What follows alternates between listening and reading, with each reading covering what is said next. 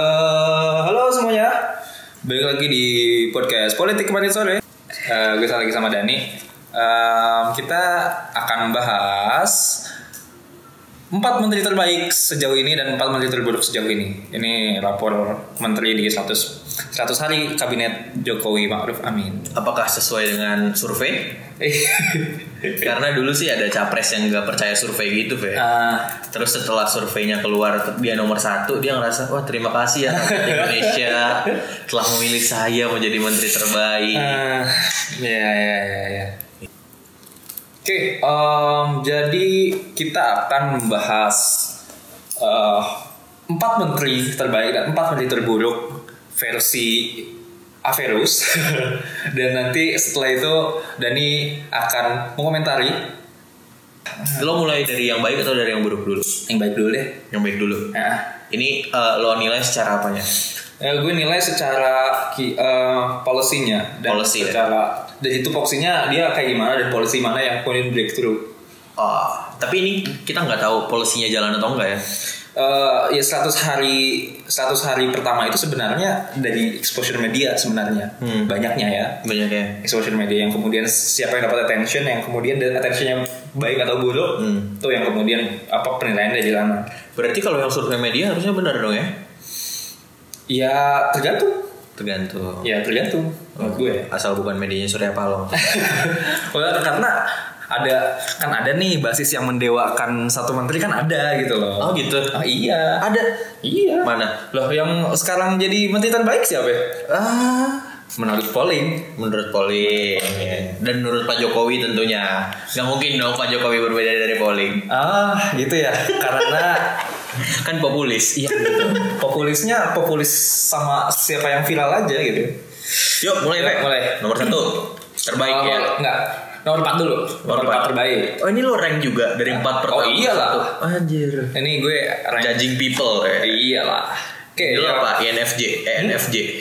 16 personalities lo. Apaan? 16 personalities lo E ENFJ. Oh, enggak tahu tuh. nggak Judging pernah. ujungnya. Judging dah anjir. Eh, Oke, yang perta yang keempat terbaik adalah ini menurut gue ini salah satu menteri paling konsisten yaitu Sri Mulyani. Wah. Ya. Menteri paling konsisten karena ya Menteri Keuangan nggak banyak program kali ya. Hmm, ya fiskal Dalam- kalau kalau dalam- diumumin orang nggak ngerti juga Ya. sih sebenarnya. Ya, maksudnya program yang program yang harus sosialisasikan gitu Iya. kan. Tapi kemudian kita tahu dan eh, dipersepsikan di media juga seperti itu bahwa Sri Mulyani itu memang salah satu yang paling knowledgeable dan paling apa ya, paling paling jadi basic dari pemerintahan Jokowi lah gitu. Hmm. Gue ngerasa ya, gue ngerasa kalau nggak ada nggak ada Sri Mulyani ini Jokowi dengan segala macam segala macam janjinya gue nggak tahu kemana deh. Hmm. Dan, dan Jokowi kan sebenarnya kan koordinasinya pun nggak terlalu bagus antar menteri gitu kan. Ya. Nah, lalu kemudian dengan dengan hanya bedrock menteri keuangan yang baik menurut gue ya, Mhm. tuh cukup em, cukup cukup ya rapornya cukup baik lah gitu. Karena kan emang udah berapa kali kan menterinya bentrok satu sama lain di media. Ya. Nah, tapi kita bukan lagi ngomongin Pak Jokowi. Apa yang membuat Bu Sri Mulyani jadi nomor 4 selain konsistensi? Dan eh, karena ini gue baru tahu tadi sih. Ya. Dari Karena gua juga ya. Sri Mulyani sebenarnya Sri Mulyani kemarin-kemarin mengkaji basis apa basic income ya. Oh, ya. itu mengkaji basic income jadi Jadi 2017 itu, Pak. dari 2017 Ya. Eh, dan jadi mungkin eh, nggak tahu kedepannya akan seperti apa ya semoga eh, karena gue dan gue dan Dani sangat sangat sangat sangat kita berdua Menantikan. adalah advokat basic income di Indonesia Eh, apa itu basic income? Tunggu episode selanjutnya. Siap. Tapi yang membuat gue menyetujui Bu Sri Mulyani adalah karena dia baru mengeluarkan cukai buat minuman bergula. iya gue lupa tuh Gue senang banget itu. cukai rokok udah naik sekarang Iya. nah sekarang cukai minuman gula Ya, karena sebelumnya cuma ada dua cukai yang eh, maksudnya tersebar luas dan diterapkan. Ya nggak sih? nah Ada alkohol tentunya ya dan eh, rokok. Ah, ah. Selama mentara kita narkoba enggak ya narkoba enggak ya narkoba dilarang Nah, coba lo kasih legal apa bukan legal sih apa ya dekriminalisasi dekriminalisasi bisa dapat duit de delegal delegalisasi apa dekriminalisasi dekriminalisasi eh oh iya salah legalisasi Dekriminalisasi. sorry dekriminalisasi ya benar Jadi eh, sekarang minuman-minuman kayak Bu Sri Mulyani nyebutnya boba sih spesifik. Boba. Boba, Coca-Cola Ha-ha. dan minuman bergula lainnya gitu. Ah. Jadi karena akan dikenakan pertambahan ini berarti. Pe- pe- pertambahan PPN berarti iya nggak Ya, pertambahan PPN padahal kalau Coca-Cola baru aja menang dari Pepsi dan dari Bicola tuh oh ya. Ingat gak? Oh. ingat gak AJ Bicola dulu harganya cuma tiga ribuan, Hmm. banyak banget yang minum. Pepsi juga harganya tiga ribuan. Terus itu ha- perang harga sama Coca-Cola. Coca-Cola kan stay di 5000 ya. Ya, Coca- Coca-Cola waktu itu turun ke 4.500, terus kemudian bikin bikin yang lebih kecil yang 3.000 gitu. Akhirnya mereka menang menang harga, eh menang menang perang harga. Pepsi udah cabut, Bicola masih ada tapi kayak ya segitu-gitu doang lah gitu. Coca-Cola tetap ini. Nah kalau ditambah ditambah pajak PPN nggak nggak tahu Bicola masih bisa apa enggak tuh. Tapi kan yang ini Bicola sama Pepsi kan kena cukai juga. Nggak Coca-Cola doang. Iya, justru Iya, itu, iya, iya. justru itu. Iya. Pepsi kan Bakal- udah cabut. iya. Nah, ini Bicola bakalan bakalan bisa nggak nih bertahan dengan itu gitu. Nah, tapi em, gue setuju tapi gue setuju tapi gimana ya? Mungkin lebih ke lebih ke tergantung sama size size ininya juga sih. Maksudnya size eh, size korporasi dan size eh, U- apa UKM-nya ya Iya.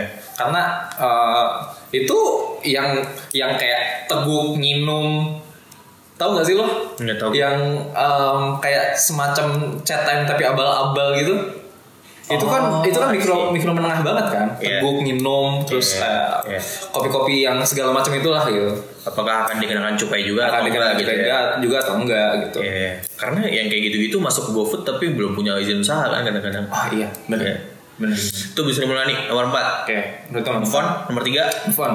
nomor tiga adalah Bu Retno Bu Ratno ini main lu ya. Menlu, gue selalu merasa Indonesia tuh punya Menlu yang bagus sih sejak dulu menurut gue ya. Hmm. Marti juga bagus loh waktu dulu. Marti Natalegawa. Ingat gak lo? Tahu tahu. Nggak. Tapi nggak ingat apa yang dilakukan Ah, sih. ya. Cuman Bu Retno ini em, cukup bagus dari sejak periode pertama bahkan karena em, ya bagaimanapun bagaimanapun citra Indonesia di mata dunia entah entah bagaimana dia bisa masuk ke Dewan HAM PBB gitu loh. Ya. Dewan HAM PBB padahal Saat kita lagi konflik ya, kita lagi sama konflik. HAM. Itu kalau bukan diplomasi masterclass gue nggak tahu itu apa. Dan dia juga dewan dewan selain dewan HAM dewan keamanan juga. kan? Ya Dewan Keamanan lebih dulu. Dewan keamanan lebih dulu gitu. Lalu kemudian cara dia ngehandle uh, coronavirus MCOV kemarin juga cukup oke menurut gue. Um, karena um, dengan dengan menkes dengan menkes yang aneh seperti itu eh, kemudian yang kemud yang menurut gue influence dari mm, Kemenlu lah yang kemudian bisa bikin Cina membuka ininya terus kemudian kita tarik eh, Kan ininya. sempat tegang tuh ya saat Sempat Indonesia nge-ban direct Uh, flight. bahkan Prabowo aja aneh waktu itu. Ingat gak sih Prabowo? Oh jangan ini sama Cina, Cina sahabat kita. Ingat gak? Ya ya. Nah oh itu satu lagi, itu satu lagi ketika Cina nginin Eh, Natuna Utara. Gitu. Natuna Utara. Nah itu juga Menlu tegas tuh di situ. Handled it elegantly. Uh, handle it, ya bagus lah gitu walaupun ya memang pada akhirnya kita nggak akan toast to toast sama Cina tapi kemudian secara diplomasi Ya. bagus banget menurut gue Nggak, karena Pak Prabowo tahu aja sih kita akan kalah langsung kayak Iya. dia lebih realis aja sih. tapi kan harusnya dia mengerti sebagai calon presiden sebelumnya gitu kan Dan sebagai orang yang mengedepankan nasionalisme, Iya. ya, Aduh. Untung aja saya. berarti Bu Gua- Retno lebih ke konsisten, konsistensi juga ya. Bu Retno oke konsisten sejak awal tapi kemudian challenge-nya banyak sejak sejak Oh. kemarin dan dia overcome challenge itu dengan cukup baik menurut gue ya. Iya, gue setuju sih Bu Retno. Dan media melihat dia sebagai sesuatu yang ini juga. Dan dia juga menteri yang kalau diliput media lumayan sih karena taste fashionnya bagus. Oke, satu, satu, dua, nggak pernah, nggak pernah blunder. Ya, nggak pernah blunder. Kita tahu media kita suka clickbait. Iya. Nggak pernah tuh ada clickbait dari Bu Bu Retno. ya benar. Ya Ya, nggak? ya. Tuh. Bahkan eh, headline paling heboh Bu Retno itu adalah ketika dia mengunjungi negara bagian Amerika Suriname ngomong pakai bahasa Jawa. Ah. Udah itu doang. Sisanya nggak pernah kayaknya Bu Retno jadi headliner Ya, ya, dan ya. lain-lain. Keren juga. Eh, itu itu nomor terus tiga lanjut eh Erick Thohir Ya, jelas lah ya. Ari Kohir, um, actually impress me quite a lot menurut gue ya. Karena um, gue baru akhir baru kali ini ngelihat oh ini oh, i- akhir- BUMN ada gunanya. oh, akhirnya BUMN ini meritokrasi akhirnya gitu loh. Eh, gue ngerasa um, Sumi tapi Ahok di pertamanya itu bagus banget menurut gue. I don't agree. You don't agree? Kenapa? Eh, nggak tahu, belum ada yang dia kerjain. I'll see. Menurut Ah, Oke, um, it's menurut gue itu it's a good judgment. Tapi kita eh it's a good judgment. It's a good apa ya? Kita belum bisa ngejudge soalnya dia belum bisa ngapa-ngapain. Tapi itu kan ngambil resiko berarti. Iya. Dan itu ngambil Iya, iya, resiko. Itu yang kemudian gue harus oh Eh, okay. gue gue seneng penunjukannya, Aha. tapi buat seneng sama Ahoknya apa kinerja Ahoknya? Iya buat seneng sama kinerjanya menurut gue Tapi terlalu Ah, jelas. Iya. Ya, itu sih. Gue Eh. gue gue setuju tuh. Satu hal yang paling gue suka dari Pak Erick Thohir itu akhirnya belakangan ini Freeport punya putra asli yang duduk di board of directornya. Hitung baru kan? Itu bagus banget. Baru banget. Eh, ya itu sih bener-bener kayak dikembalikan nih prosesnya walaupun tidak terbuka proses pemilihannya Pak Erick nggak ngomongin kandidatnya ke kita kita, Aha. tapi somehow kita bisa ngerti kenapa orang ini terpilih gitu. Di ujung pengumumannya kita, oh ya dia layak sih. Ya, tapi kan lu nggak bisa bilang itu soal Ahok. Hah? Lu lu nggak bisa bilang itu soal Ahok. Gue ngomong Ahok layak, tapi gue nggak nggak bisa. Kan lo Hmm. lo ngomongnya tadi gimana? Ya gue ngomongnya tadi eh, it's a good judgment untuk naruh Ahok di sana. Oh gitu. Ah. Gue kirain lo muji. Oh enggak, Iya. enggak. It's a good judgment untuk naruh Ahok di sana dan itu Iya, iya. resikonya Eh gue setuju kalau itu. cukup, gitu. Tapi Tapi gue nggak gue nggak bilang Ahoknya bagus. Ya, Iya. belum belum tahu tuh. Gue setuju kalau kayak gitu. Terus eh, terakhir itu soal Pertamina apa mu mu apa? Gue lupa mantan Menko itu siapa? Munif Hatib, Munif Hatib. Apa? Hati Oh Hmm. di Basri. Hatib Basri. Heeh. Ya yang direktur utamanya Mandiri. Mandiri. Ya, itu kita senang banget satu PKS semuanya karena kita mengidolakan Pak Katip Iya. dan ya Pak Katip progresif dan liberal. Betul. Jadi ya kayak gitu. Satu lagi emang lanjutnya nih. Nah, lanjutnya nih. Nah, Boleh. Jadi selama ini lu nggak ada yang nggak ada yang nggak setuju sama gue ya? Nggak ada. Nggak setuju. gue nggak tahu satu lagi ini lu akan setuju apa enggak. Yang satu terakhir yang terakhir nomor pertama adalah menurut gue yang paling baik adalah Nadi. Makarim. Nadi Makarim. Ah. Lu komen, lu komen dulu deh. Lu komen dulu deh. ah, ah, ah. Enggak, enggak lo utarain dulu karena gue udah punya ini ya. Eh, Karena menurut gue salah satu kebijakan yang aneh itu selalu datang dari Mendikbud. Hmm. Selama ini Hmm, hmm. itu kasihan banget adik-adik kita cuy. Hmm. jadi percobaan terus Hmm. tapi Nadim adalah satu dari sekian banyak mendikbud yang kemudian menjelaskan itu dengan cukup concise Hmm. bisa dijelaskan di DPR gitu kan kemarin ada ada cuplikannya ketika dia menjelaskan di DPR dan mengubah benar-benar mengubah dan merombak status quo Hmm, hmm, hmm, dia get get to the roots of the problem hmm, hmm. dan melihat melihat pendidikan di 21st century dengan cara cara 21st century nggak 20th century lagi gitu Hmm. Iya. dan itu itu di apa bela- bel- be- belajar merdeka merdeka belajar merdeka, belajar, dan kampus dan merdeka kampus merdeka nah kampus merdeka yang kemudian cukup banyak pro kontra pro kontra kontroversinya karena balik lagi apakah narasi kampus sebagai pelicin industri itu olinya industri itu apakah itu sebagai konsep yang bagus atau enggak kan karena di pertentangan soal magang terutamanya ya soal magang karena nggak semua nggak semuanya bisa dimagangkan gitu dan eh, keadaan untuk membolehkan magang sebagai pengganti ini hanya akan mengeksploitasi kelemahan regulasi betul magang itu sendiri betul dan itu bahkan nanti takutnya magang intern intern dan fresh graduate itu kemudian jadi berkompetisi untuk yang sebenarnya eh, nggak boleh kayak gitu gitu Eh, cheap labor banget dirinya kan. Nah tapi gue suka karena benar-benar mengguncang Iya, iya. status quo Iya. dan selama ini appearance-nya tidak pernah aneh-aneh. Hmm. Eh, state- apa appearance tidak pernah aneh-aneh. eh, statementnya di media juga selalu nggak pernah selalu nggak bikin clickbait dan s- satu gue ngelihat statement dia gue ngelihat statement dia lagi ada video apa tuh video video bullying itu kalau nggak salah yang mana yang di Pak Ganjar Jawa Tengah lupa gue eh, yang mana tapi dia bilang eh, ada tiga hal yang tidak boleh ada di pendidikan yang ada di video itu satu adalah bullying kekerasan seksual selagi apa gitu gue lupa dan itu on point banget menurut gue gue lupa satu lagi apa ya Eh, ya gue juga da- datang dengan mindset yang sama sih. Kayak gue seneng nih ada orang yang eh, berani menaruh mel- dan memulai perubahan. Tapi gue juga baru sadar ini setelah diskusi sama teman-teman sih Fe. kayak it's way too radical gitu. bisa jadi Ya, it's way too radical Baik, dan bisa dan jadi. buat kayak ada yang banyak istilahnya gini ya, kayak kementerian itu kayak kapal pesiar, Fe. Ya. Kalau tiba-tiba setirnya lo banting, Hmm. yang ada bukan beloknya ke arah yang bener, tapi ter apa ya terbalik kapalnya bisa jadi gitu karena eh, komponen di dalamnya gua nggak tahu mungkin Panadim akan segera melakukan refreshment di dalamnya menurut gue eh ini semuanya ini ini kesemuanya sih Iya. kesemuanya Em, 100 apa kinerja 100 hari itu cuma bisa dilihat dari rencana kan Iya. sebenarnya rencananya bagus apa enggak Hmm. seolah-olah kayak ini tuh kita lagi FPT gitu loh Iya, Kayak- iya, iya. kayak, ini rencananya bakalan bagus apa enggak nih kira-kira Iya, iya. visible apa enggak Hmm. dari bagus at- dan visible itu beda loh Pak.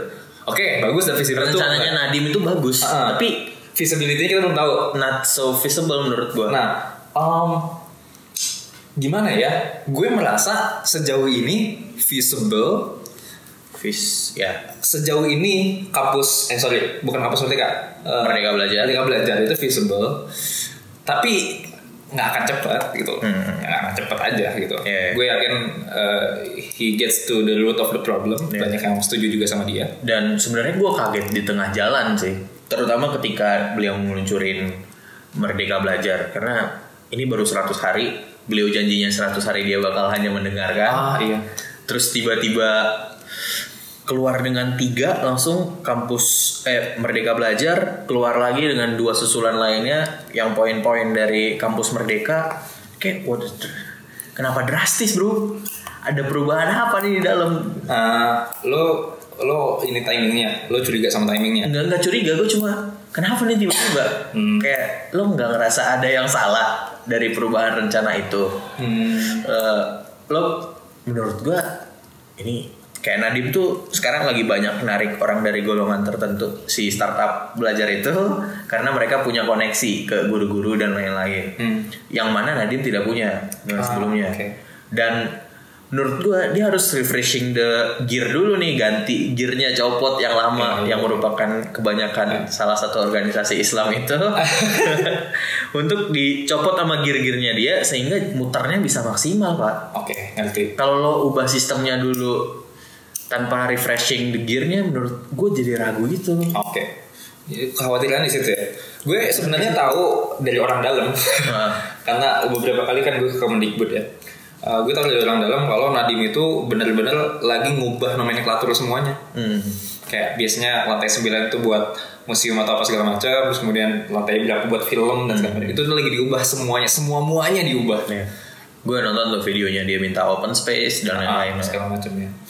Jadi ya orang dalam cerita orang dalam sih ya dia sedang melakukan perubahan radikal di dalamnya juga. gitu. Iya. Di ya I guess bisa kok. Iya, gue juga maksudnya gue bukan meniadakan progresivitas itu, gue cuma nggak ingin terlalu berharap aja pak. Iya, betul. Tapi secara diam-diam sih gue bukan secara diam-diam, emang gue mendukung supaya visinya terjadi. dan mungkin buat buat gue itu salah satu yang paling harus dikawal tuh Ya benar. karena eh, Karena konsep kampus merdeka itu sangat menarik loh sebenarnya, lintas kampus dan lain-lain, walaupun banyak flows di dalamnya ya. ya. Udah lah, capek muji-muji orang. Oke, sip. Ayo kita hujat. Oke. Yuk, pertama atau Pertama. ini tidak ada ini nomor satu semuanya. Oh iya, nomor satu semuanya. Menteri paling buruk status hari kinerja di Jokowi Ma'ruf Amin adalah Ma'ruf Amin bukan Neng. Nanti Ma'ruf Amin di honorable mention. Men list menteri paling buruk menurut gue adalah Fahru Rozi, menteri agama kita yang gak jelas itu. Iya. Udah kita list dosa aja lah ya, nggak usah komentarin ya. Oh iya boleh. List dosa, lo dosanya apa satu? Oh, Fahru Rozi. Dosanya adalah dia deradikalisasinya ancur-ancuran. Nah, iya. Program deradikalisasinya ancur-ancuran. Gua- dia tuh orang ormas gak sih? Maksudnya bagian dari blok-blok Islam yang ada gak sih? Eh, katanya sih bukan NU dan bukan Muhammadiyah sih katanya sih. Terus dia punya koneksi kemana? Yang membuat ngerti, dia cuy. punya potensi untuk Gue gak ngerti mendelegasi. cuy Decision making prosesnya gue gak ngerti Karena dia kan dari militer kan Ya. Iya kan Hmm. Itu yang gue gak ngerti sebenarnya Kok bisa Terus kemudian kayak Oh ini akan jadi Menteri semua agama Bukan cuma agama Islam aja Tapi enggak tai Yang lucu kemarin dia sempat nunjuk ada salah satu pelaksana tugas buat yang berhubungan dengan agama Mhm. Kristen, dia nunjuk pelaksananya orang Islam. Gue lupa persis nomenklatur jabatannya apa, tapi dia sempat melakukan kesalahan itu. Terus itu diprotes di Twitter. Aduh. Ya Eh, ya nggak ada yang bisa Nggak. menandingi itu sih Iya. sebenarnya. Emang menteri semua agama mungkin harus dimulai dari situ. Orang Islam mengurusi ibadah orang Kristen. Ya um, Terus yang dia eh, dia tuh yang apa ya, banyak sih dosanya sebenarnya. Tapi ya Iya, kalian juga udah tahu sih. Ya kan udah tau gue pasti Semuanya viral Semuanya viral ya, Udah tau, udah tau. Eh, Media darlingnya yang dikejar pers tuh kayaknya Farul Rozi ya, salah satunya sekarang ya. Ya. Aduh, eh. Ya terus eh, Lanjut ya nih Lanjut boleh. Lanjut lah, Farrozi doesn't worth our time. Oke, Eh, yang kedua Mahfud MD. Mahfud MD ini dari yang promising sampai yang disappointing banget loh menurut gue. Itu hanya salah di ekspektasi loh. Iya sih, cuman aduh. Menko Polhukam, Menko Polhukam sipil, weh, tetap aja bisa disetir. dari Wiranto Iya. ke Mahfud MD. Wah, Aduh. betapa cepatnya turning point ini terjadi. Dan- Ternyata yang berubah persepsi kita. Kondisi itu tetap sama. Dari mulai dia bilang datanya sampah di Kalau data Veronica Koman ya. data value komen sampah terus kemudian dia menurut gue cara dia handle soal isis isis itu juga kurang kurang concise dan kurang cepat gitu loh Iya. bikin bikin media berspekulasi bikin media berspekulasi dan segala macamnya lalu em, apalagi sih dia kaconya berkali-kali ngomongin soal Omnibus juga oke omnibus kacau. law omnibus law juga kacau terkait buruh eh, terkait banyak banget yang mengganggu kesejahteraan buruh dan kesejahteraan kita semua juga sebenarnya Setelah kita semua. gitu. Karena kita semua adalah inherently kita adalah buruh. Dan em, terakhir itu yang eh, bukan terakhir deh, yang kacau itu yang apa ya? Gue lupa, doh. Apa ini dia? Oh dia berkali-kali ngomong soal berkali-kali ngomong soal eh, kasus-kasus yang belum selesai itu udah selesai dan bukan kejahatan ham. Ya. Itu padahal Komnas Ham doang bisa ngomong itu. Ya. Itu triggering banget. Dan itu sebenarnya udah dibantah oleh tulisannya sendiri, Pak. Jadi banyak di Twitter itu yang ngutip eh, definisi Pak Mahfud terhadap HAM di zaman sekarang membandingkan dengan tulisannya dulu. Hmm. Ya bukan berarti orang nggak boleh berubah sih Pak Maru, Pak Mahfud, tapi ya berubahnya tolong. Iya ya. Aduh. Pak Mahfud MD Lanjut nih. jadi tidak semangat ya. Iya, Perasaan iya. tadi kita tadi kita semua harusnya ini dulu ya. harusnya dari dulu ya. Ya, em, selanjutnya adalah Yasona Lawli yang kembali dari DPR menjadi Ah ini. ini eh, apa namanya Menkumham? Ya. Menkumham ya? Menkumham. Ya jelas lah ya, Pansona dan skenario nya bersama KPK dan Polri ini Ya. Jadi sebenarnya kalau mau di point out selain Jokowi, Hmm. problem problem KPK itu di Yasona ya berarti. Hah? Nggak maksudnya problem segala macam segala macam kenapa KPK diperhatikan dan segala macamnya itu ak- aktor utamanya ya Sona Lawli. Betul nggak? Karena apa? Undang-undang KPK Undang-undang KPK dari pemerintah sih. pemerintah. Ya pemerintah kan dia. Oh iya dia. Iya kan? Salah satunya dia. Betul. Itu yang eh, Ya Harun Masiku udah pada tahu lah ya kasusnya ya. ya masih Jadi ada caleg gitu nyuap biar dia yang dipilih buat masuk ke DPR melalui mekanisme PAW. Terus terbukti dia menyuap, eh, ada laporannya. Terus dia lari ke luar negeri, Pak Yasona ngomong dia di luar negeri. Terus media kita bisa membuktikan kalau dia ada di Indonesia dan tidak kemana-mana. Akhirnya Pak Yasona balik ke klaim ya saya memang salah kutip apa apa gitulah pokoknya ngeles-ngelesnya Pak Yosona nggak jago jadi nggak usah gue ceritain karena cuma bikin Pak Yosona malu Eh, terus sampai sekarang masih belum ketahuan Pak Pak Harun masih- Harun masih punya di mana Pak Yasona ngeluarin statement lagi kita kita sudah tahu dan kita akan mengeluarkan statementnya segera Eh, jangan yang dikeluarin statement ya dong anak buah anda disuruh keluar menangkap menangkap Ini tuh kayak gayus tambunan kuadrat gitu loh keparahannya. tapi kalau Gayus cuma sama poli- polisi Iya, makanya ini tuh kan udah lebih udah lebih atas Iya. hierarkinya, lebih parah juga ketahuannya. Iya. Kan lebih kayak, kayak malunya, aduh. Gayus masih mending udah diproses pak Iya. ini sebelum diproses Iya. jadi masih ada kemungkinan penghilangan barang bukti Ya pengenalan barang buktinya udah juga udah jelas kan di kantor Oh, iya. PDIP.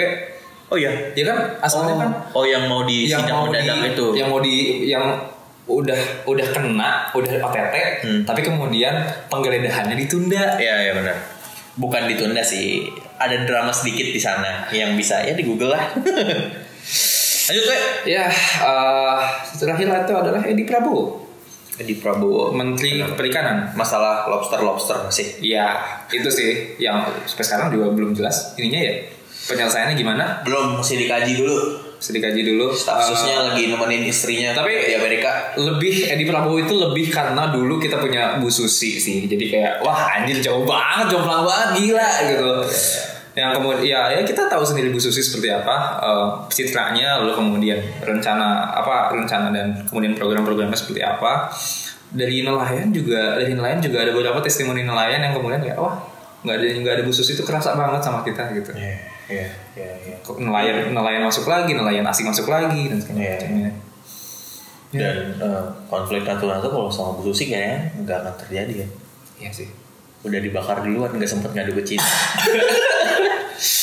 Iya. Eh, gue tapi ngerasa ada yang janggal nih ada nama-nama menteri yang Oh, seharusnya iya. ada tapi tidak ada gitu Iya ini ini satu lagi listnya Ada. list list honorable mention wadidaw honorable mention jadi yang seharusnya ada yang seharusnya mengisi Iya. yang seharusnya mengisi tapi kok tidak ada gitu tidak ada heran apakah ada mengalami pesantren kilat sehingga akhlaknya membaik ya mungkin sedang men- contohnya satu Luhut oh iya Luhut menghilang ya Pak Luhut menghilang entah kemana kita tidak tahu Mungkin biasanya capek ada di biasanya jadi media darling capek begadang bro ngelihat pasar Dow Jones kan sekarang menteri investasi iya iya iya Menteri Pasar Amerika, koordinator Pelaut- maritim, maritim dan investasi. investasi.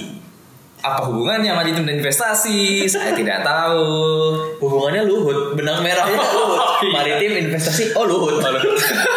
Kayak Pak Jokowi mikir gitu, maritim investasi, oh Luhut.